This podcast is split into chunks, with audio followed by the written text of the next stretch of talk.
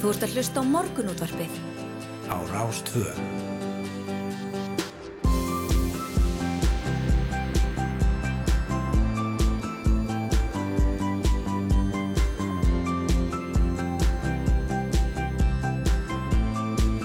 Morgunútvarpið Á Rástvö.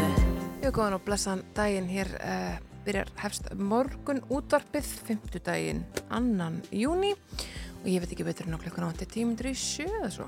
Já, já, og við um, Yngvar Þór og Snæður Sindradóttir verðum hérna með ykkur til klukkan nýja á þessum svona fallega um, skíða degi, getur við sagt, uh, svona dálítil væta á, á göttum borgarinnar en um, það er gott fyrir gróðurinn, eins og við segjum hér. Algjörlega, ég gerði til, heiðalega tilrönd til þess að að fara með sólglir út í daginn í þegar ég vona að uh, það myndi aðeins skappa kannski annarkort veðrið eða hausuna mér Já, og um, var ekki fyrir keirð út úr bílakjallarna mínum þannig að ég var búin að taka það niður Nei, þetta einmitt. bara ekki upp nei, nei. En Mátti, fyrir- það mátti reyna Það mátt alveg reyna, já. Ef fyrir nú nánar yfir viður og færð hérna eftir sjöfréttir eins og alltaf. Já, En ef við rennum um, örstutti við það sem verður í þætti dagsins þá um, ég ætlum við til að mynda að um, ég ræði við Þórtísi Kolbrunur Reykjörð Gilvadóttur. Já, einmitt á morgun, fastu dag, eru 100 dagar síðan að rússar reyðust inn í Úkrænu. Þó Ísland segja einhverju leiti peð á tabli alþjóðarslörmálanlega er óhætt að segja að það peð hafi verið yfir við kólan frá innrásinni. Íslenska ríkið hefur til að mynda greitt yfir 125 miljónur króna fyrir flutning á hergagnum til nó- nótkunnar í Úkrænu, fyrst og fremst skotværi og þá er Ísland á vaðu og lísti við vilja til að fá bæði finnum og svíja inn í allt samsbandalæð þegar ljóst var það að ríkin hefðust sækja um. Þú ætlum að ræða utanrikismálinn í tengslu við innrásina uppur klokkan 8 í dag við Þórtisur Kolbrunu, utanrikisaðara. Já, og talandum ráðferna þá skilaði starfsópur matvælaráðferra í gera sér skýslum starfsemi við blóðtöku hrisna og í skýslinu kemur meðal hans fram að laga umgerðin um eh, já, blóðtökur félfullum hrissum sé afar óljós og ekki viðunandi. Og þá er talið nöðsilegt að óháður aðelis sannreini mælingar á blóðbúskap hrisnana og að skilirði verið sett á aldurspil hrisna í blóðtöku hámasfjölda í stóðum og hámasfjölda sem dýralæknir má hafa umsjón með í blóðtöku. Og við ætlum að ræða þessi mál við Sigriði Bjöstóttur, hún er yfir dýralæknir í rossasjúkdómum hjá Matvælastofnun en hún satt einnig í starfsóknum sem sá um útættina. Einmitt. Tjáningafræðsi presta hefur verið til umræðu síðan Davíð, síðar að Davíð Þór Jónsson geistist fram á reyturlinni í síðustu viku og gaggrindi ríkistjórnarflokkana. Þingunar sástæðarsflokksins Diljumist Einarstóttir byrti grein í gerð þess efnis að Davíð þetta skiptum vinnu því orðalæði hafi meðal hans ekki verið presti sæmandi. En samtímis byrtist á vef kirkjublaðsins greinið fyrir doktor, Hjalta Hugarsson, professor emeritus í Guðfræði, þar sem hann fjallaði vítt og breytt um tjáningafrælsi presta og við ætlum að fá Hjalta til okkar í lokþáttar og ræða það. Nei, nokk, já, jú, við ætlum að gera það. Ég ætla ekki að andmæla því, heldur betur ekki. Eh, það Nei, nei, nei, nú, nú segi ég stopp. það er nú kannski ekki algengt að, að, að þingmenn segi fólki að, að finna sér aðra vinnu. Nei, þetta, þessi grein hún kom uh, reglulega óvart. Já, mikið rætt um orð uh, Davís Þórs uh, en líka mikið rætt um landslískala nýja. Það hefur lítil hrifning verið með landsmanna með nýju landslýstreyjuna sem knastfjörnu sambandið frumsýndi í byrjun vikunar. Nú Puma hannaði treyjuna sem er ljósblá með einum dökkbláum fleti. Hún er látlaus og einhverju velti fyrir sig hvort um var að ræða fótballtatreyju eða verðbólgusbá. og Guðmundur Jörundsson um, fatahönnur, hann ætlar að kíkja til okkar og segja okkur uh, sína skoðun.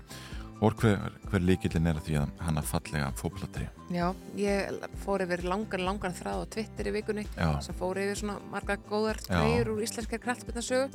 Það eru með misgóðar en, uh, en um, einfalt er ekki endilega alltaf best. nei, Stundum er ga gaman að hafa eitthvað munstur á sig, láta þetta líta svolítið vel út. þetta er svona ofur einfalt getur við sagt. Já, nákvæmlega. Minimalismi er ekki endilega alltaf svarið, en stílhreint, sko, það, þetta er ekki alveg saman hlutur. Já, nákvæmlega. Uh, já, svo er það engalifið, einhver.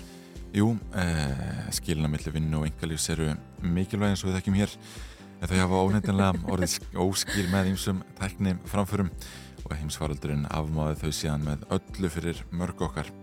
Nú Steinar Þór Ólafsson, samskipta sérfræðingur, bent á það í pisli sín með viðskiptamokkanum í gær að fyrirtæki reynir nú að leggja meiri áherslu á heilsu og velíðan starfsfólks því það blasi við að faraldur 21. aldarinnar verði faraldur ímjömskonar lífstíls sjúkdóma sem hefur ekki bara áhrif á fólkið heldur skilir sér í kostnaði fyrir fyrirtæki og framleiðinni tapi og nú séu fyrirtæki Erlendis byrjuð að skipa svo kallar Chief Wellbeing Officers. Já, sem er þá e, fólk sem hefur það hlutverk að móta stefnu og framfylgja henni sem snýrað heilsu og velliðan starfsfólks. Mhm.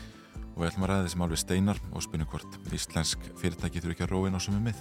Já, er þetta ekki bara upplifunarstjóri? Þetta er einhvers konar upplöfunastjóri, já, einmitt. Eh, einhver sem hérna heldur utanum svona, væntalega einhverjum svona skemmtun en líka um svona andla hilsu fólks þetta er þessi sem pantar hérna hugleyslu, Já. hugleyslu tímana á vinnustæðin og, Já, og uh, ákveður allir að fara í hjóla í vinnuna alltaf, já, eða ekki Jú. En uh, hér í uppað þáttar þá ætlum við aðeins að beina sjónum okkar austur. Hallormstaðaskóli lendaði sumu leita á milli skips og bryggju þegar skipa nýra ráðunita var ákveðin síðastliðið haust. Skólinn hefur metnandi þess að starfrækja námsbröð sem nýst gæti sem viðbótar diploma á mistarastígi en á öðru leiti starfar skólinn á framhaldsskólastígi. Þetta þýðir að málefni skólans heyra annars verundur menta á barnamálaráðundið og hins verundur háskóla yðnaður og nýsköpunaráðundið og við ætlum að forvittnast frekar um þessa stöðu með símtali austur til skólamestrans Bryndisar Fíónu Ford. Já, nákvæmlega Við höldum hér á, á uh, blöðum dagsins Já. Sjá getur enn að örstuði yfir fórsíðunar uh, Hvað er á fórsíðu fréttablasins? Það er mjög forrættilegt frétta fórstíður fréttablasins getið sagt þér. Síktur eldisfiskur á borð neytenda. Mhm. Síktur eldislags hér við land fer á neytendamarkað en dýralækninga matvælustofnunar gefa grænt ljós á það en það berist veirinn úr fiskinum ekki í fólk. Hér verðast allt aðra reglur gilda um kjöt af ríðuvíku sögufýr sem öllur fargað en eldislagsi sem síkst hefur í kvíum af veirusjúktumum en slá, því hún er slátrandi mannaldis.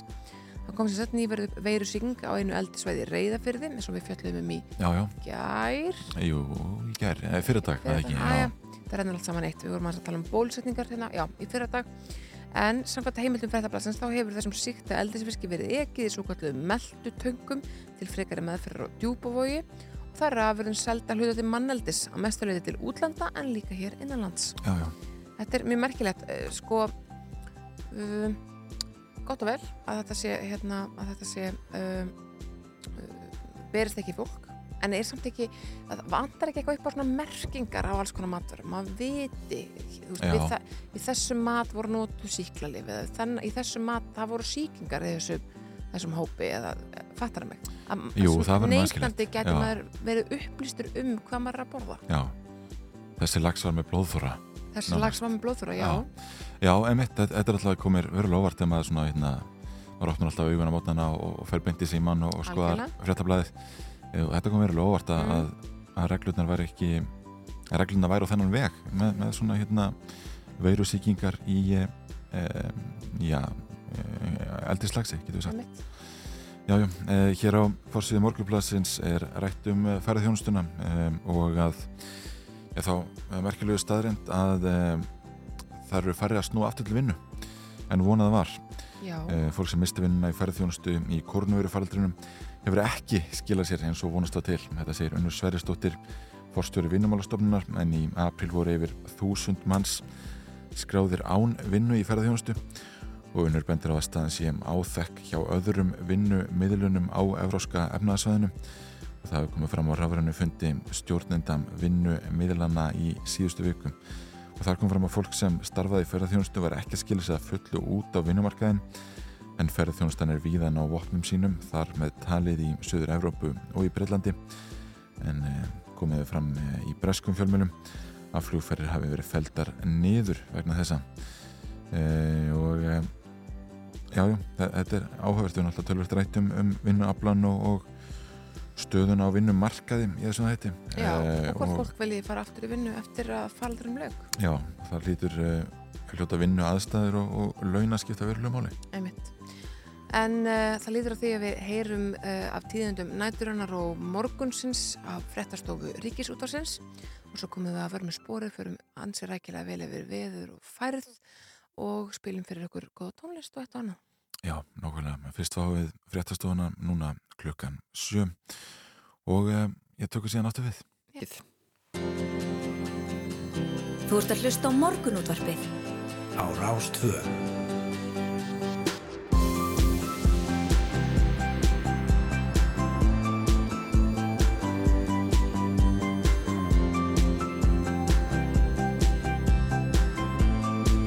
Morgunútvarpið. Á Rástfö morgunúndarpið býður góðan dag, 5. daginn, annan júni, sjöfrættir að baki og það er Ingvar Þórusnaður Sindradóttir sem ætla að sitja hérna með ykkur til klukkan nýju og förum við það í, þættinum í dag, það er alveg að segja það. Já, við ætlum að ræða tjáningafrælsi presta, við ætlum að ræða nýja skýrslu um blóðmerarhald, við ætlum að fá til okkar utanengisráðverða til þess að ræða það, já, morgun eru 100 dagar frá því að rússar reyðust inn í Úkrænu. Ætlum að fara hans yfir landsliðstreginu nýju með Guðmundi Jörunsinni fatahönnuði. Við ætlum að ræða skilina mellir vinnu og engalífs sem að hafa orðið ansi óskýr á sérstaklega tímum faraldurs og aukera tækni og svo ætlum við að ræða málefni Hallarumstæðaskóla fyrir austan. Já, nákvæmlega. Við skulum uh, byrja á því sem öllum áli skiptir, er veðrið. Já. Ef við lesum hér hugleðinga viðfrængist þá er uh, í dag útlitt fyrir söðvestan góli á landinu viða skíað veður og dálítil vætam öðru kvorum, hitin um eða undir tíustugum.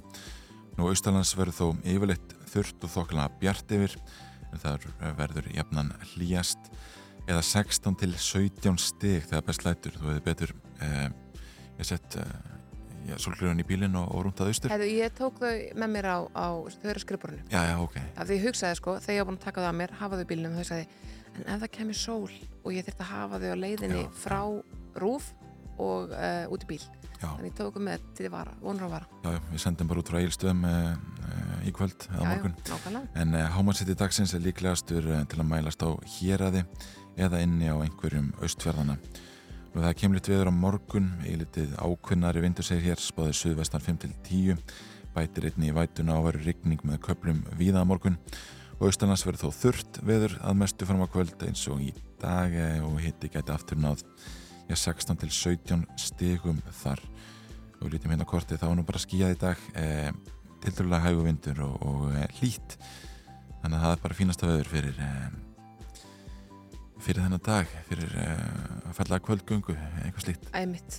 Og ég er svo sem ekki hrifin að því að horfa langt frá með tíman en af því að það er nú hvitir svona helgi framöndan þá getur sagt að það verður sól um allt land já, á lögadaginn og regningum alland á sundag en það verður indislegt veður eh, hér um helgina allavega á lögadaginn og, og það er eh, Hittir mætti vera meiri en hann, hann hæk, hækkar þar nærtri Já, tólstíð samt akureyri og, og glampandi sól, heiðskýrt og, og uh, logn. En uh, á vegagerðinar er, er uh, ekkert mikið að fretta Það er í kvöld og nótt þann annan til 3. júni frá 7 til 6 í fyrramálið á að Malbygga báðar á Suðurlandsvegi við Kugurarhól undir Ingolsfjalli. Það voru vegurinn einfallega lokaður á melli hver að gera svo biskupstungna brautar en hjálið verður um Eirabakaveg og Þorlákshafnarveg. Að öðru leiti þá eru endurbætur á Vesturlandsvegi á melli Langatanga og Reykjavegar þar sem að vegurinn hefur verið þrengtur. Á vestfjörðum er varað við miklum slitlags skemmtum á þeim sunnanverðum en það er unnið að viðgeðum og eigafjörðunum er unnið að viðhaldi á brúnni yfir eigafjörði leiru. Það er ljósastýring og þrengt í eina agrein og sömulegis er unnið við lagfæring og ræsi við Brimnis og Ólarsfjörði. Suðurstrandi uh, framkvæmdi við slítgólskipti og mottur á Skaftafellsbrú á Ringvegi 1 og það er unnið frá 8 til 6 alla daga af þeim uh, viðgerðum og svo eru hálindsveginir viðkamir fyrir þau sem eru að fara, ég ætla að sé ekki svona fyrsta fólk að fara að huga lögafæksgöngum og, og fleiru. Já, einmitt, einmitt.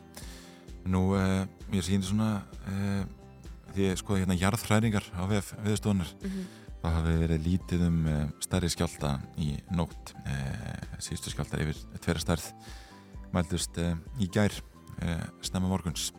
Og það er nú ágætt bara að fáum hérna góða nættusöp Algjörlega, algjörlega Þegar við ætlum að fá fyrsta lagdagsins Kim Carnes og Betty Davis Ice.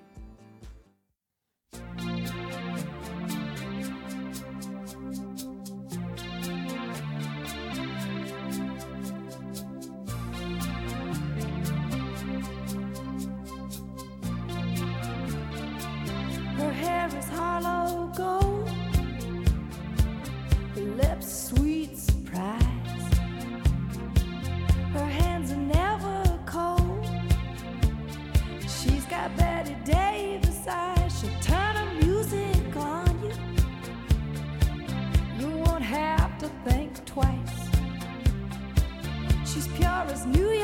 snow. She got Betty Davis eyes.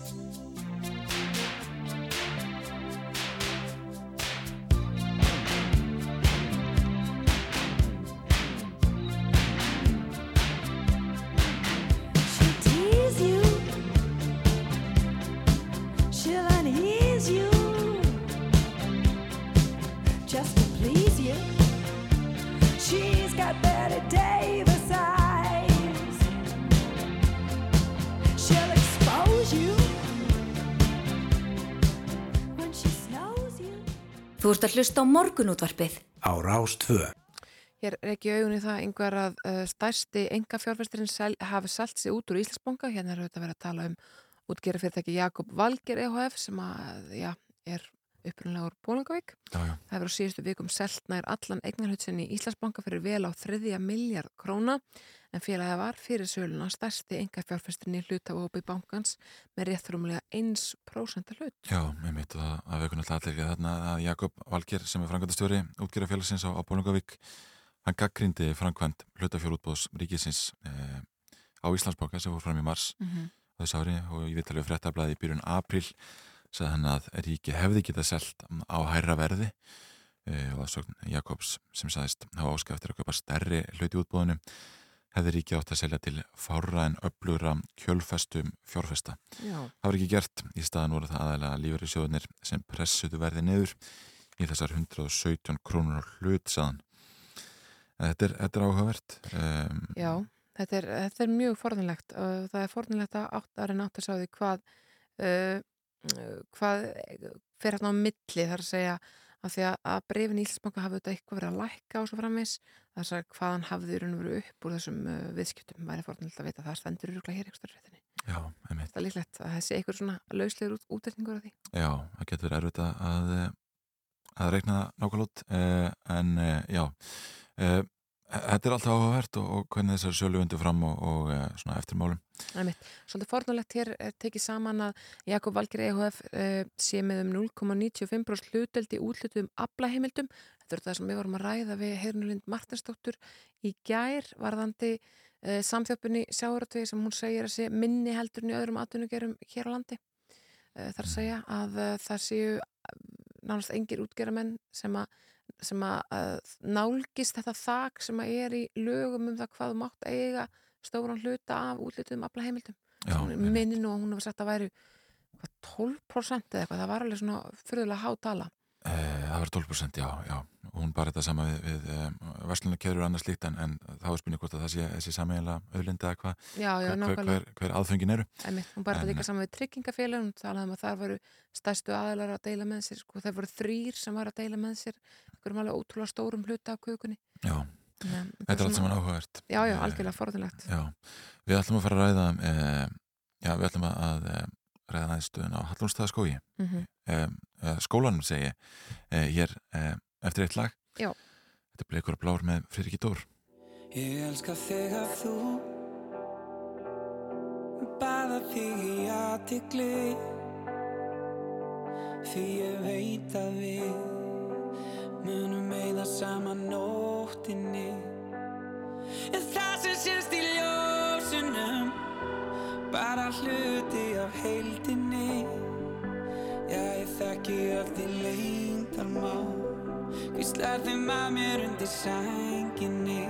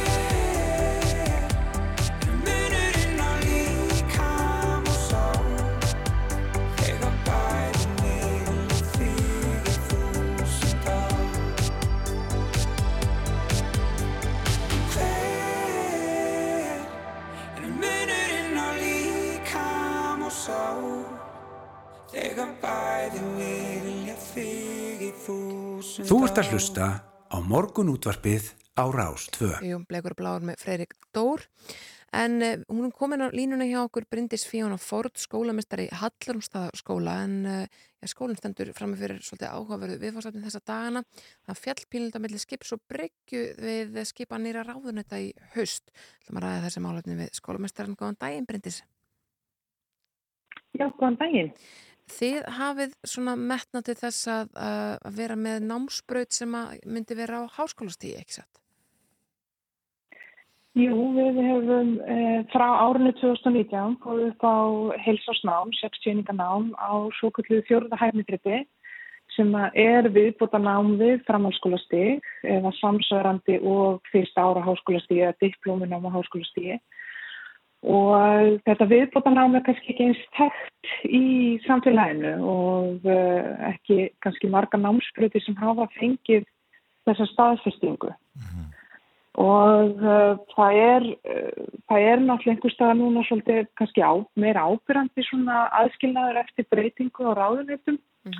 Uh, að, að nú er miklu skýrari skil hérna á milli skólastegana og við höfum með mitt áhuga því að, að, eh, að námið okkar sé metið á háskóla stígi og einingar en það er núna algjörlega sagt, á forræði viðurkendra háskóla. Já, einmitt. Þannig að málefni skólans heyra núna annars vegar undir menta á barnamálaráðanettið og hins vegar háskóla og, og nýsköpunarvantilega en, eh, en eh, sko þannig Já, að áður, við, já, já, það er náttúrulega áður rætt um það til að mynda með til, til sko kvikmyndaskólans hversu erfitt er einhvern veginn að að fá sko háskólanám staðfest einhvern veginn eh, hefur það verið mikið ferli á ykkur og, og, og gera þetta það ferli allt erfiðara? ég, við erum bara að stíða þessi fyrstu skref í að svara þessari eiginlega eftirspurt sem við erum að verða fyrir að nefnendur vilja nýta þetta nám og þá jafnvel á meistrastígi og þetta er náttúrulega mikið stökk. Eh, við erum gríðlega við erum minst, lítil stopnun og, að stopna háskóla er eðlilega langt ferli. Eins og kom líka bara skýrt fram og, og mjög hérna, góð svör frá ráðherra áslögu örnu um fyrirspurnokkar sem Jópi Skúladóttir tók inn á, inn á alþingi á dögunum. Eh, það að stopna háskóla er eðlilega stramt og, og, og, og langt ferli. Mm. og, eh, og þá er einmitt spurningin hva, hvað gerist fyrir svona litla skóla, eh, afmörku af eh, stutt hafnýtt nám. Og við sjáum það að háskólanir eru byrjar í, í auknum mæli að bjóða upp á viðbútadiplómur eða diplómur sem eru 30 til 60 einingar. Og uh, einmitt metið á grunnstígi eða meistarastígi. Mm. Og uh, við sjáum það bara að, að svona, þessi nýju hópur sem er að sækja í nám til okkar, það eru nefndur sem eru oft kannski búinu með grunnám í háskóla og vilja bæta við sig. Mm -hmm. Þannig að við erum bara að kanna þetta og vinna okkur í gegn en þetta virðist vera algjörlega í hönd sem þá við kendra háskóla og eins og kannski kom fram líka í þessi fyrirspyrna á aldingi að það er að enda með snýst allt um pening. Eh, nefndur eru skráður í einhverja skóla og skólar eðlilega ekki tilbúin að láta nefndur stundan ám í öðrum mentastofnunum. En það er alltaf eitthvað samstarf og samstarfi byggist þá upp á alls konar e, náttúrulega eðlilega deilingu á, á nefnendum og námi mm -hmm. og það er náttúrulega einhverju möguleikar að, að byggja þetta nám við annan nám en þá þarf að, að, að finna þá. Við göngum svolítið þverst á marga faggreinar. Við erum með nefnendur hjá okkur kannski útskriður og heilbriðsfræðum eða hagfræði eða eða þá nýjir stúdendar sem eru að taka sín fyrstu skref á, á loknum stúdensprófi og, og það er náttúrulega hluta okkar einhverskilum það er að vera búið með stúdenspróf þannig að það er líka kannski svolítið svona skýrara að, að, að hópurinn núna eftir skiptingu ráðnetta að, að barna og mentamálaráðnetu eh, er með yngri hópin mm -hmm. þannig að hérna Já, þannig að þetta er bara svona verkefni uh, en eins og er þá fá nefndur okkar 60 einingar fyrir námið og, uh, og svo er það svolítið bara eftir hvernig, hvernig háskólar eru tilbúinir að meta mm. allt, allar einingarnar er ekki. Þannig að næsta, hérna, næsta skrif af ykkur er að reyna að koma á eitthvað svona samstarfi við uh, eitthvað af þessum stóru háskólum. Já, og við höfum verið að þreyfa líka fyrir okkur erlendis mm og það er náttúrulega kom kannski í fréttum líka Múlafing, náttúrulega sveitafélagi sem skólinn er í, gerði e, samstagsamling við e, University of Highlands and Islands í Skotlandi uh mhm. -huh. sem er skóli sem einmitt er mjög dreifður yfir stórt landsvæði e, litla stofnanir á, á, á mörgum stöðum sem að sinna þá námi, uh mhm. -huh. háskólanámi og, e, og það kerfi er, er er bara vel, vel myndi hefta vel hérna á Íslandi myndi ég talja mm -hmm. og svo líka þetta, þetta þessi skoska leið meðal annars tekið fram í, í svo kallið fagháskólum sem voru stofnaðir hérna þetta nýja, nýtt skólastig fyrir nokkrum árum í kringum 2016 sem þetta nýja fagháskólastig var sett að lagina það sem að hægt var að kenna stuð það er mjög nám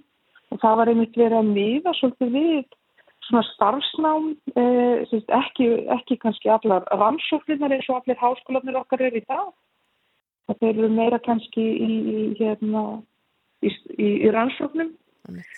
Eh, þannig að, já, þannig að líka staða fagháskóla stíksins, það er mjög áhugaverst að kanna það hvernig, hvernig svo staða á því er. Við höldum að fara að fylgjast með þessu Bryndis Fíónu Ford skólamistari Hallarmstæðaskóla. Takk kærlega fyrir að vera á línunni.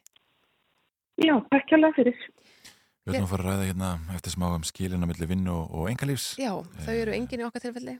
Það er alltaf þannig að heimsfaldurinn afmáði þau eh, fyrir mörg já, já. núna hérna eh, á síðust árum og Steinar Þór Ólásson eh, samskipta sérfræðingur bent á það að svona, nú eru fyrirtæki Erlendis byrjuð að skipa Chief Wellbeing Officers. Ég segi bara að þú vilt ekki verja æfiðinni með vinnufélagðinum ertu það verið eftir vinni? Það er nákvæmlega það er nákvæmlega þannig Herðu, við skulum fá eitt lag fyrir fréttaflitt eh, þetta er Fallin með Alicia Keys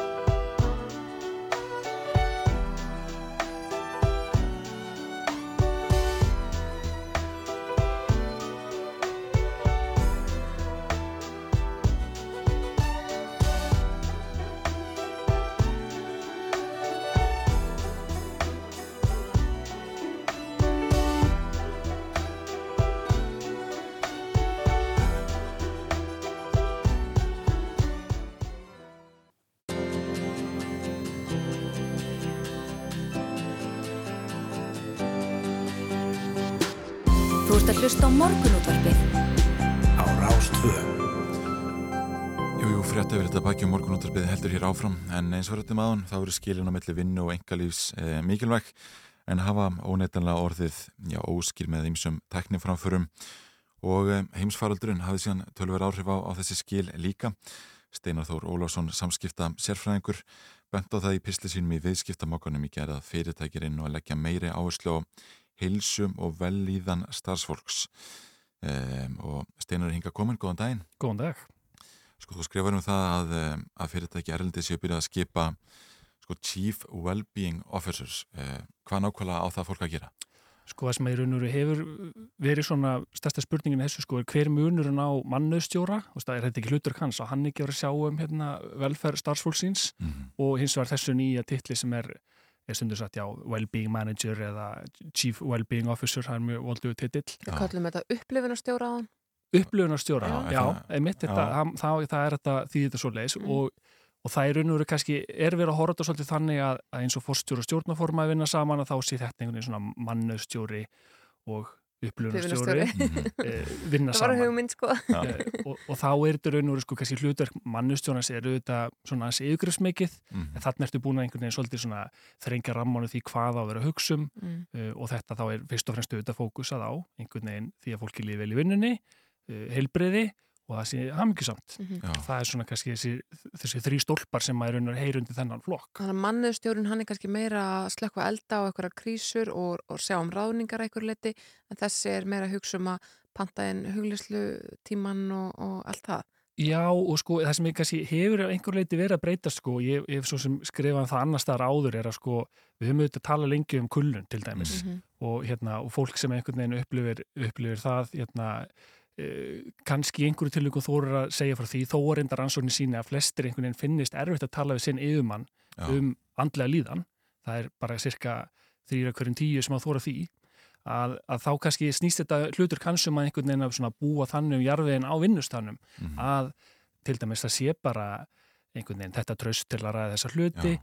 og síðan kannski ekki bara leist með því að segja, heyrðu, já, ó, hérna, kullun, byrju nú við, hvernig ætlum að leysa það, heyrðu, fáum fyrirlestur um kullun, mm -hmm. sem auðvitað gerir ekki nokkuð skapalegt, það er alltaf stýstum að stýra álægi, sjá til þess að fólk sé, mitt, hérna einhvern veginn, að vinna innan þeirra ramma sem að að ætlast til að þeim og eru auðvitað að reyfa sig og kvíla sig og allt það sem að hjálpar til að, mm. að svona líða andlega vel. Já, einmitt, uh, og tala um það í greinni að, að það svona blasir við að faraldur, þessar aldar verði faraldur í einhvers konar lífstílsjúkdóma þá vantilega vegna þess hvað við erum að vinna mikið og hvað skilin einhvern veginn eru lítilega með engalífs og, og vinnu? Já, e, það eru eitt partur að því og svo þetta annað er bara til dæmis e, svona hvernig lifnarháttum við erum að lifa, við erum að hérna, kannski ekkert borða sérstaklega holdt og, og hérna ekkert að reyja okkur eitt rosalega mikið með fyrir kynsluður, við erum meira svona hérna gýrsettu kynsluður má mhm. segja mm -hmm. og það hefur bara alls konar afleggingar í förmið sér og þetta auðvitað íti bara undir hérna einmitt lífstilsjúkdóma sem að leiða sér þá bara veikindi sem dæmi, bara þú ert meira frá vinnu vegna einhverja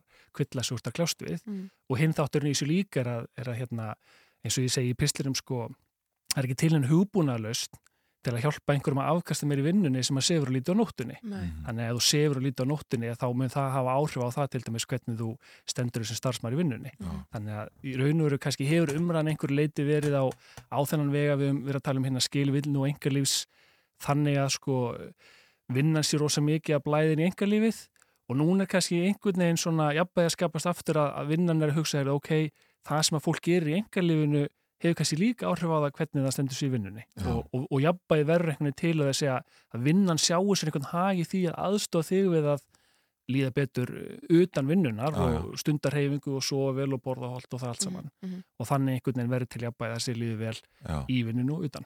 Það sem er gerst með auknum tekniframförum og þetta COVID og svo framvegis er það að við erum að taka færri veikindadaga til dæmis út af veikindum badna maður er kannski heima með barnið en uh, þá er maður bara að vinna á meðan og þó maður sé kannski ekki að skilja 100% degi þá er hann alveg 75% eða mhm. eitthvað uh, getur vinnan stíð eitthvað inn með þessum hættu og sagt bara mm, annarkort við ætlum að bæta þetta upp með eitthvað mæti eða okkur finnst þetta óæskilegt verður bara heima með við ykkur barniðin og hlúða því Algjörlega og það, og það er einmitt hérna, fyndið og nefnið þetta vegna þess að í raunur að sem að eins og áveilum öll trend öll trend byrja því að hérna, það er engin 50 sem að segir, heyrðu, þetta er cool og þá finnst öllu að cool. Það er Nei. fólk sem að stýri því svolítið mm. og til dæmis núna á TikTok, samfélagsmiðnum TikTok, að þar er hérna ungt fólk uh, svolítið að ræða þetta. Þetta er eitt af því sem er svolítið að trenda og eitt af því sem að eh, kemur upp nýlega þar í þessari svona mikrobúblu, getum kallan að það sem snýrað vinnumenningu, Mhm. er í raun og veru að segja sko, hérna, vin, í raun og veru sko, heilsan þín er mikilvægur en vinnaðinn, líka þó þú þurfur að sko valda einhverjum vonbröðum í vinnunni, vegna Mhm. þess að að mörguleiti er þetta held ég knúð áfram ef að við þrjú værim hérna kollegar í vinnunni og ég væri veikur að badmitt væri veikt, þá er ég ekkit endilega að ágjöra yfirmanninu mínum eða fyrirtækinu. Nei. Það er meira það að ég sé að bregðast ykkur Mm. Mhm. sem að í raun og veru keirum áfram til þess að kveikja kolpasvitinu og opna tölvuna eða vera með hita að Já. græja tölvupostana. Það er raun og veru þessi bylgi sem byrja að segja ef að vinnustæðurinn er, er þannig settur upp að þú getur ekki verið veikur heima hjá þér þá er það ekki vandamálið þitt. Það er vandamálið hvernig vinnustæðurinn er settur upp. Mhm, mhm. Og þetta sér maður vera svolítið að, að kvikna í, í þessari kynnslóð uh, svona, hvað getur maður sagt, þessi kraftur og meðan kannski hérna, eldra fólk er meira búið að hérna, taka þetta á nefanum Já, og, já. og tilbúið að gera það. Já, já. Þetta er einhvern veginn stórmerkileg þróun sem varði í koronavirufaldurinn. Þá fyrir við að vinna meira heima og, og það blæði núna inn í þessa daga að fólk færi að vinna heima að, í alla, upp að einhverju marki allavega í mörgum fyrirtækjum. Eh, en er það endilega gott að sem að, að færa vinnuna heim? Sko ég held að í raun og að sem sé gott við þetta er að þú getur einhver leiti stjórnaði hvar þú sinnur henni og hérna við þurfum ekki að einhvern veginn uh, rusla öllum inn í borgatún klukkan nýju og svo rusla öllum úr borgatúnu Einmitt. klukkan fimm að það er jákvæð þróun held ég en það auðvitað er þessi hérna rosalega þú veist, fíni vegur að, Já, já. að, að þræða sko Já, já. hvenar ertu hérna heima hjá þér til að vera heima hjá þér og hvenar ertu í vinnunni Mhm. og auðvitað í gegnum COVID og annað uh, vor, var verið að mæla með alls konar þáttum sem að hjálpa þér til að búa til einhver skil eins og að við erum ekki að vinna á náttúrdónum og annað slíkt Einmitt. Mhm. þannig að þetta er held ég eitthvað sem við verðum allavega næstu árin að svona finna alveg út úr Já, Við já. sáum hér fyrir þessari viku að, háskó, að háskóla og nýsköpunarráðundið var að afnema stimpilklukuna fyrst ráðunita. Er það liður þessu að láta fólki líða betur og uppi að minni streyt á vinnustanum? Já, sko, ég er náttúrulega hérna, eh, allavega í svona enga gerunum hefur held í stimpilklukkan horfið nær með öllu sko Já, ekki þessum vinnustæðar. Nei, ég með það það sem maður heyrir að, þannig að ég held að sko súþróun sé búin að eiga sér stað bara og sé einhvern veginn að, kannski að loksins að hérna, frettirnar að berast inn í ofnbæra gerin að þetta sé kannski bara það sem koma skal. Já, En- heyri, sögun til stimpilklukkan. Já, en sko, ég held að þetta sé ekkit endilega eitthvað rosalega jákvæmt vegna þess að þetta er hérna pínus eins og, þegar, eins og fyrirtæki bandaríkjum áttu sá þegar, þegar allt í hennu var flottasta í sko, sílikondalunum að segja, heyrðu þú ert hérna frídaga. Já. þá einhvern veginn staðan fyrir að 27 eða 30 daga þá segir heyrðu þú fær bara ótakmarkaða frídaga. Að í raun og veru þróunin sem flest fyrirtæki sá er að fólk tók bara færri daga. Því leið bara eitthvað óþægilega með að einhvern veginn að væri ekki einhvern veginn svona skýr, skýr ramma á því hvað á í marga daga þannig fólk Já. voru ekki að vera gaurin sem ætlar að taka sko 32 daga. Mm og ég held að einhver leiti sér slimpiklukkan svona hjálpaði við að segja sko heyrðu, nú er ég bara búin með minn kóta í dag sko, ég get bara hérna sammusku samlega gengi hér út og sagt sko hérna dagur minni búin og meðan að afmeður það þá kannski einhver leiti segir ekki hvað hérna hver mikið er ég búin að vinna í dag og hver ekki, Mm. þannig að Mhm. ekki það ég ætla að tala fyrir því að, að fyr, fyrirtæki að taka upp stimpilklukkur Nei, aftur nei. en þá er þetta heldur líka eitthvað sem að starfsmenni skoða. eftir að Og það fær maður að, að reikna af sér öll samtölinn sem skiljiðu sér kannski ekki beinni vinnu og svo framvegis. og- Já. Já. Og svo En, vinnu eh, fleiri tíma. Já, við erum að tala um ofinbæra geran og, og enga geran hérna. Eh, sko, hvernig er þetta með, með fyrirtæki á Íslandi? Eru þau byrjuð að ráða einhverja svona velliðunar og upplöfunar stjóra? Já, sko sem að hérna, allavega þróunin sem að hefur verið að gerast eru auðvitað uh, fyrst og fremst í því að, mannus fólki okkar sem er að hérna, taka hana málflokk með föstum tökum er að innlega einhverja svona velferðapakka má segja, það sem er verið að bjóða starfsfólki til dæmis upp á aðganga sálfræðingi, niðurgreitin sálfræðingi á kostna fyrirtækisins. Og á þeim tíma sem ég er búin að vera svona fylgjast með þessum vinnu menningar málum að þá er þetta eiginlega bara glæð nýtt. Þetta er Mhm. bara búið að koma núna á allra síðustu árum og, og fyrir það hafði þetta eiginlega verið bara algjörlega óheirt. Mm -hmm. Þannig það er raun og kannski fyrsta skrefið í þessu og svo sjáum við það að, að til dæmis krónan sem að hérna hefur nú verið einhvern veginn svona trailblazer í hérna í þessum uh, umhverfsmálum Já, að þau ætla greinlega að taka þetta fyrstum tökum og þau hafa núna tilenga þetta heilu stöðugildi á sér sem að raun og hefur bara það hlutverk að sinna líðhelsumálum sem held í þeirra tilviki snú annars vegar inn á við, gagvar starfsfólki, en líka einhvern veginn hvernig getur krónan stöðlega líðhelsu sinna viðskiptavina. já. Mm. þetta er það sem koma skal. það held ég. Já, Forðilegt. einmitt, þetta er mjög forundlegt Steinar Þór Ólafsson, samskipta sérfræðingur takk fyrir að kíkja til okkar í morgun útarpið Takk fyrir mig.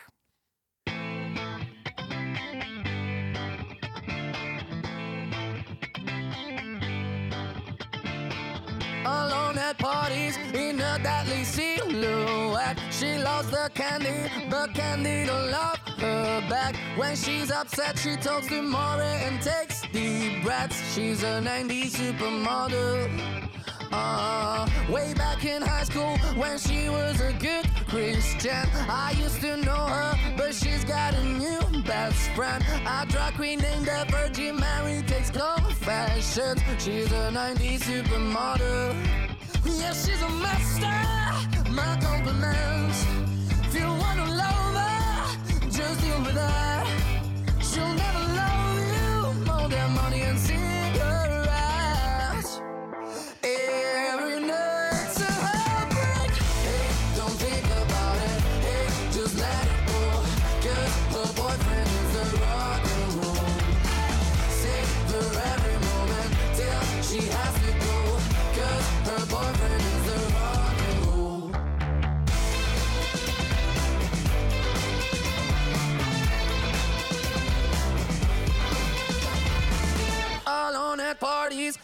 Working around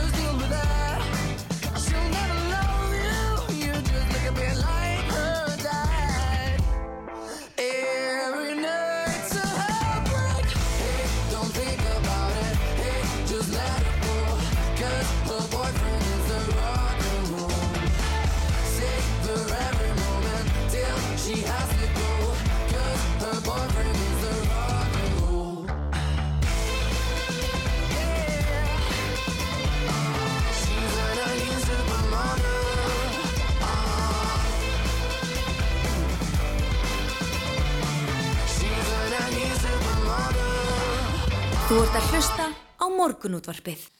Jú, jú, þér að hlusta morgunúttarpið klukkan, já, um það byrj kortir í átta og við ætlum að ræða nýju landslýstreyjuna en e, það hefur svona verið lítil hrifning meðal landsmanna með þessa treyju sem knastbjörnsambandið svona einhver leiti frumsindi í byrjun vikunar Púma, hann var treyjuna sem er ljósblá með einum dökkbláum fleti látlaus og einmitt einhverju velta fyrir sig hvort að þetta veri fótballtatreyja eða verðbólkusbá e, Guðmundur Jörundsson, fata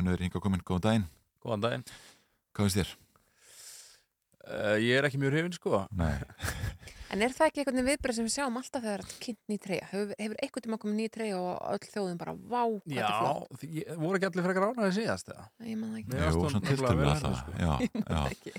Þetta er rosalega látlust. Eh, Sko, er, er þetta þróun í, í bara fatnað og treyjum almennt að að fara í þess átt? Um, ég það haldi ekki, sko. Nei. En hérna, ég var nú að skoða hans yfir alla landslistreiðina sem Puma voru að gefa út og það, þetta var svolítið svona stefið. Já, Uh, og, en þú veist, það virtist bara, maður fekk svona tilfinningar eins og var ekkert rosa mikil hugsun á baku það í rauninni. nei, eins og ég er raunin sagt eftir þessi treyja kom út að þú veist, ég virðilega frekar þú veist, að það sé allavega reynt skilur maður sér það og það sé bara mjög ljót ljótu búningur heldur en þú veist, eitthvað svona eitthvað svona milli þess að verðist bara gert að okkur um klukkutíma í Photoshop og svo einhvern veginn prenta á treyjur. já, já. mhm, Sko, uh, hvernig stendur á því að þetta er vinnufyrirkomulagi? Það er að segja Puma fengið til þess að gera treyjur í stæðan fyrir að sé ykkur íslenski fataðunir sem hafa einhvern veginn, já, ég veit ekki, tilfinningu fyrir íslenskri menningu, knaspinu og, og smekk.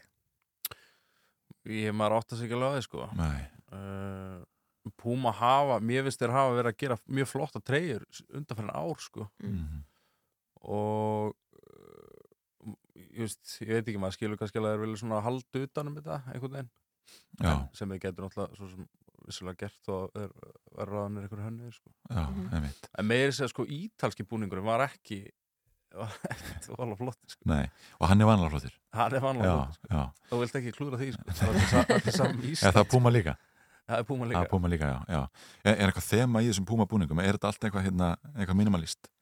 sko þeir hérna segja þema sé þarna, að þetta er eitthvað svona retro Já, uh, sem að ég sé ekki alveg sko. nei, Nei. einmitt Við sjáum einmitt í þessum sko bara second hand búðum víða, þá er hérna þá er fótboltatreyjunum fjölga verulega og fólk sækir í þessa retro fótboltagalla mm -hmm. eh, þannig að það er greinlega hægt að gera flottan fótboltagalla sem fólk vil klæða sko, sko hvers vegna eh, mistekst þetta svona? Já. Sko, það sem veist kannski aðalega gerst síðustu ár er og maður sér mjög skýrt á þessum búningu er að sko, það er í rauninni stafrænt prent.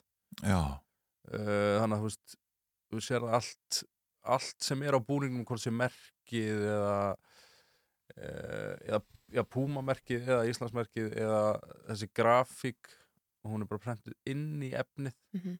í staðin fyrir að sé og þú veist, það eru margir búningar en það og, og fóru Mhm. raunin svolítið aftur tilbaka að þá er sko silki prenta ofan á efnið eða þá saumað í, þú veist, já, svona krest já, og blanda saman efnum skilur líka eins og sér hjá Adidas það er kannski rendunar í öðru efni en, mm og mér finnst líka þetta efni bara, eiginlega ógislegt sko.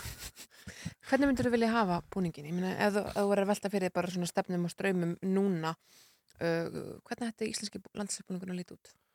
sko það er alltaf rosa auðvelt alltaf að, að tala um eitthvað svona retro og horfa tilbaka og þú veist, það er jafnvelegt að sko horfa okkur búning sem þótti kannski bara ljótur einhvern tímann En það er og, mjög og sterkt svona hann flottur. 70s væpi gangi núna í tískun, ekki satt? Jú, jú, og náttúrulega og, og svona þú veist, og sást í síðasta búning skilur, þar, þar voru þið með svona munstur sem var eins og áklæða strætó já, en þú veist, það, það, það er búið að vera svona þú veist, náttúrulega 90s tíska og það er passa alveg inn í tíðarandan sko Mhm. uh, þannig að hérna og það var auðvitað bara þú veist, einhver, einhver hönnuna prósess á bakvið það. Já, einmitt. Uh, þannig að ég veit ekki búningar það geta verið alls konar en það er minnst oft svona þeir verða oft rosa flatir sko já, búningar þegar, þegar það er uh, þessi svona heilprent. Já, já, Einmitt. já, já. og úr hvaða efni er þetta sér sem er, sem er svona hálf ógislegt þetta er náttúrulega alltaf, er alltaf einhver gerðefni sko en það, þú veist, minnst þegar oft, þetta er verið að þróast út í mikið adas þeir eru með svona þykkari efni aðeins já, og uh, og þá er svona meiri svona það sem er tilfinningu áferð í þeim sko. Myndir þú vilja fara í sko ísaumað KSI-merki og ísaumaðan íslenska fánan eða þetta væri svolítið svona, já, svona mikill áferð munur? já, algjörlega sko. Það er náttúrulega uh, besta leðin til þess að fá eitthvað svona eitthvað dýft í veist, annars verður þetta svona veist, þetta verður alltaf eins og svona íslenskt utandildalið, þú veist, já, hvað er Karlsbergdildin eða eitthvað? Já, já. Bara prentaður í, í einu lægi og, hérna, og henda á alla ellu. Eh, en, en sko, er, er þetta annarlega, maður skilur það að fólk hafa mikla skoðanir á, á landslistreifinni, en margir svona alltaf fylgja þessum liðum, bæði hvenna liðinu og kalla liðinu út og þurfa þá að klæða sér í dreifina. Er, er galinn það slæmur að, að það þurfa að breyta honum? Nei, nei, hann, hann svo sem, þú veist, það er kannski að finna við það, hann næri því ekki eins og þetta verða eitthvað ókslega ljótur, sko. Nei. er bara svona ómerkilegt, Já, sem er kannski verra. Einmitt. Nei, en versta treyjan, lang versta treyja sem að Ísland hefur verið, held ég, er 2016 sem við fórum á EM. E og EM, sko. já, Hún var náttúrulega bara, uh, þú veist, hún var ekki ómerkileg, hún Já. var bara, hún var bara ógeðslega ljót. Veitu, hvernig var hún aftur? Með rauða, þarna fánur og svo hliðin eins og, svona einhver einmitt. tómatapakning eða eitthvað.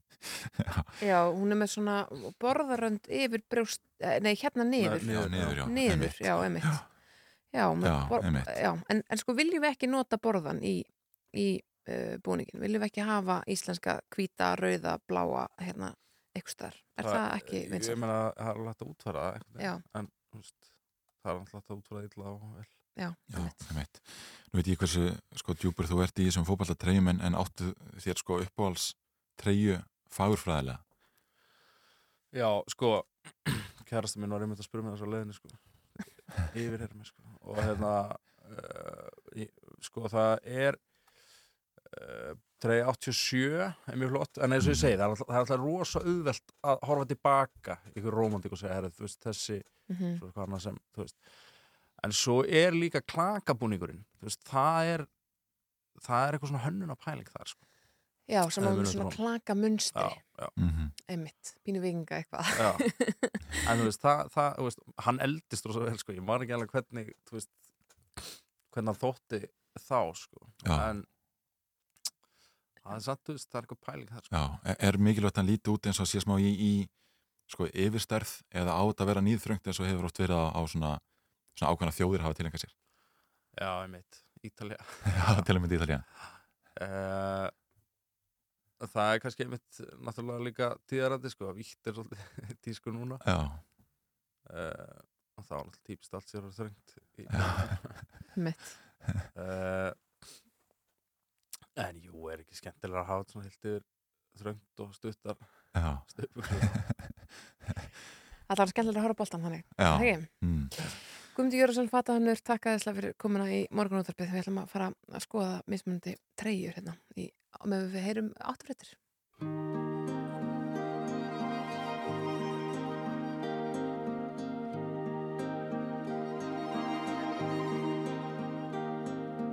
Legð aftur augun þín skær Ástinn mín dagur er fjær Svo vil ég vaka þér hjá. Venda þig ef að ég má. Er ég horf á þig hittnar mín sál Hverful orð get ei túkað mitt mál? Og ég sefur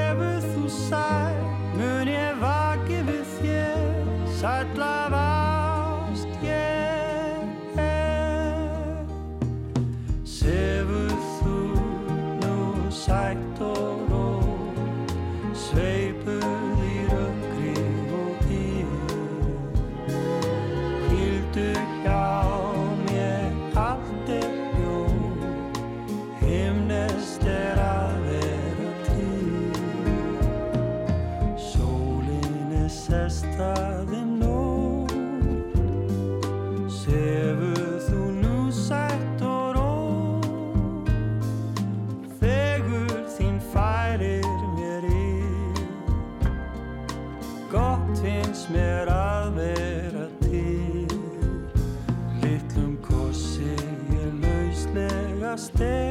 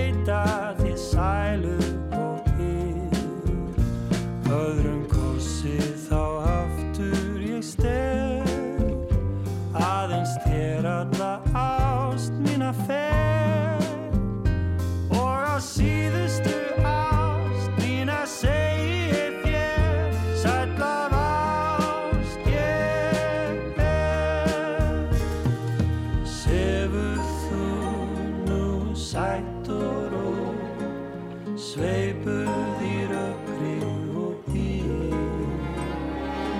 Hvíldu hjá mér allt er ljó Himnest er að vera til Sefur þú nú sætt og Þú ert að hlusta á morgunútvarpið. Á Rástvö.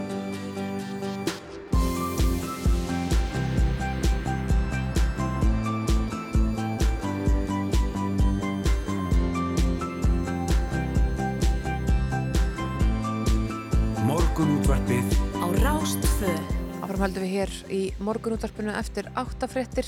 Ég, Snæra Sundardóttir og Yngvar Þór Björnsson verðum með ykkur til klukkan nýju. Jú, jú. Og uh, næst ætlum við að ræða stríðið í Úkrænu en á morgun, fyrstu dag eru 100 dagar síðan að rússar réðust þar inn.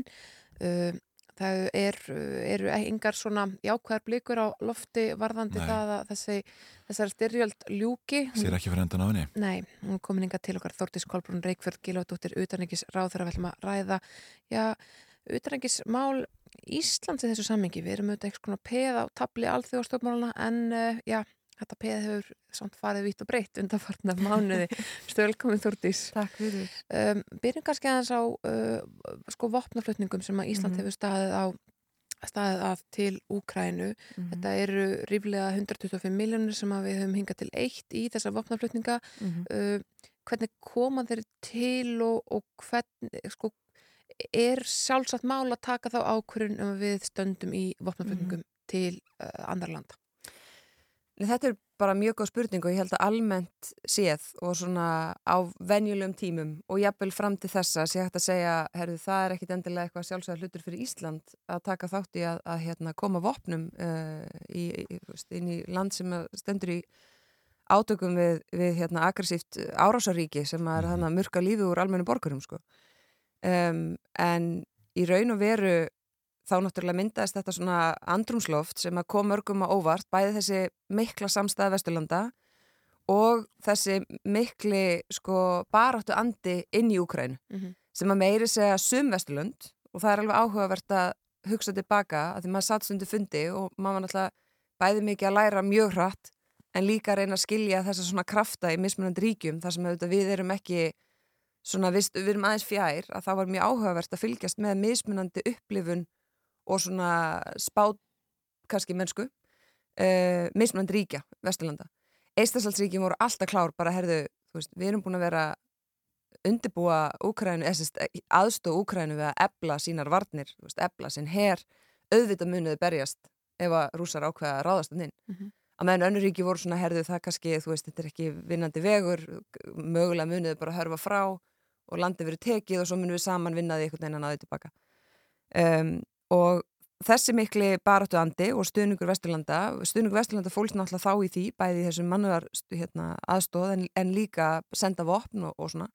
Og við náttúrulega höfum ekki vopn til að senda. Nei, nei. við, veist, að við, við erum hérna, herlaus og vopnalaus og allt það. Eigum haglabessur og rifla ekki mikið annað? Já, og meira svo oflítið aðeim sko, þannig að hérna, þá kom upp þessi í rauninni bara öskrandi þörf sko, ríkja sem að vildu aðstóð Úkrænu en höfðu ekki þessa flutningsgetu, höfðu bara ekki, þú veist, þau áttu þessi svona, svolítið gömul vopn frá sovjetímum uh, en höfðu ekki getu til þess að koma með staðin og þá bara var það til í raun að hérna við hugsaðum, herðu, þú veist, þarna getum við stíð inn og aðstóð, það er ekkit sjálfsagt uh, ég áttum að því að það er fullt af fólki sem er þessu ósamála en þetta eru bara tímar þar sem að stundum er bara ekki nóg að gera sitt besta, stundum þarf bara að gera það sem er krafist.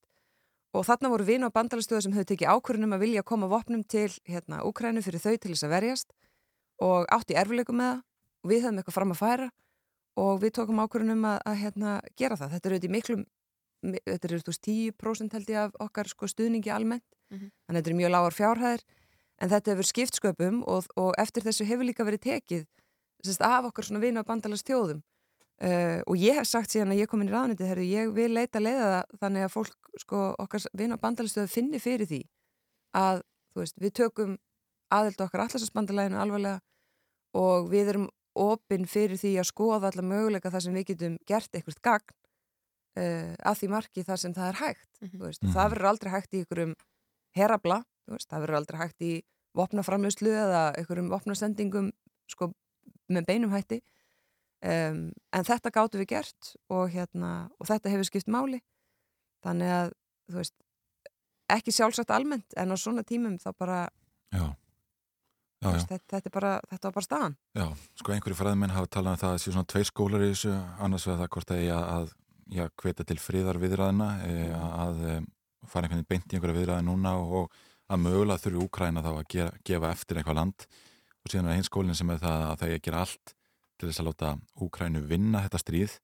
E, það mati íslenska stjórnvalda að, e, að frekar fara, fara setni leiðina að hjálpa Úkrænu að sigra stríð. Ég er algjörlega 100% á þeirri línu. Um, ekki bara sko fyrst og síðast auðvitað fyrir úkrænsku þjóðuna sem að hefur fært allan þennan fórnarkostnað og þú veist það er búið að jafna þarna marga borgi við jörðu og mörg líf tapast. Og þau eru þarna í baróttu sko þú veist öllumelli fyrir okkur öll.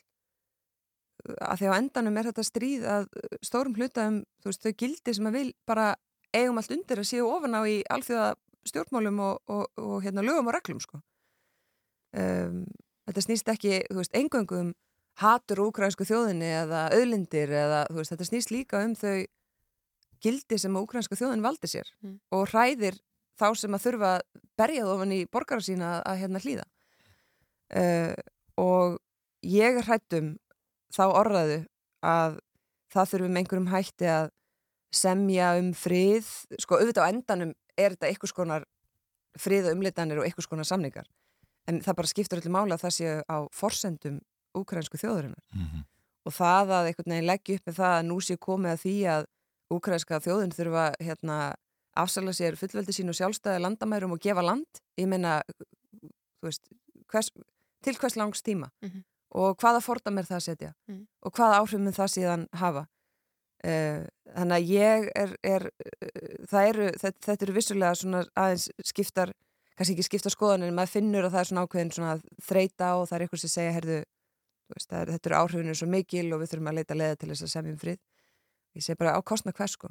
Semjum frið á kostna hvers. En er þetta pólitísk ákvörðin íslenskra stjórnvalda eða er þetta byggt á sérfræðáldi innan uh, ráðundusins eða, eða sem að við höfum sérst, aðgang að? Sko, er þetta helstu sérfræðingar í alþjóðamálum í heiminum sem að, sem að svona leggja til að við tökum þessa afstöð? Sko í rauninni er staðan núna þannig að þú veist innan alþjóðastofnana erum við að uh, halda uppi sko réttu málstað, þar að segja að þú veist fordæma árásir rúsa um, halda uppi þeim málstað hver, hver réttur Úkrænu manna er. Uh, innan NATO, þú veist, gengur þetta út á það vina og bandalastjóður eru að sína þennan stuðning í verki til þess að gera Úkrænu kleift að standa áfram í stríði, menn ef öll Vesturlund myndu bara einum degi hægt að senda vopn þá hefur Úkrænu ekkit mjög langan tíma veist, til þess að, að yfir höfuð bara taka ákvörðum það sjálft að standa áfram í, í, hérna, í stríði þannig að þú veist að öðru leiti eru við svo sem ekki með sko gjörðum okkar eða ákvörðunum uh, að vinna eftir því að Úkræna þurfa að vinna. Þannig að þú veist það, þetta er að hluta til sko mín persónlega skoðun uh, en að, að hérna að hluta til er það samt þannig að ég meina okkar utarriki stefna, ég meina kjarni hennar eru þetta að, að hérna alþjóða lög séu virt að landamæri séu virt og við höfum farið í gegnum núna marga áratuga tímabil þar sem það hefur svona nánast án undatekninga uh, gengið þannig fyrir sig að, að það er ekkit uh, afborið, það er ekkit uh, hérna, það guttir að það engin ekkit ríki og engar alþjóðastofnanir og bara við ekki heldur að það sé bara hægt að gangin í ríki og taka að þeim land sko.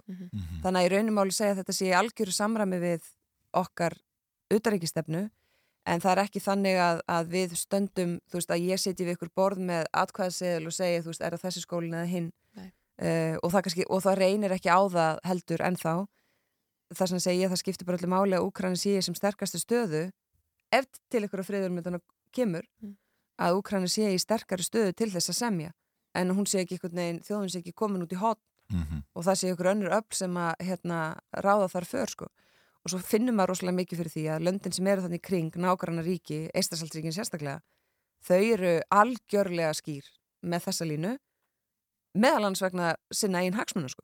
þau hugsa bara að byttu veist, ef, að- ef að þetta er einhvern veginn í lagi og það verður samið svona þú veist, hver er þá hérna, hver er það næst Þú veist, er það hérna 30 ára sjálfstæða, sjálfstæða ríkin í okkar nágrunni sem að hérna, þykir mér vænt um okkar að þegar við vorum þú veist, fyrst að við ekki að vera sjálfstæð Mhm. og þá er það bara, þú veist, þetta, þetta er allt svo þú þetta, þetta, er, þetta er allt svo miklu brotattara heldur en maður hefði einhvern veginn vilja trúa Já.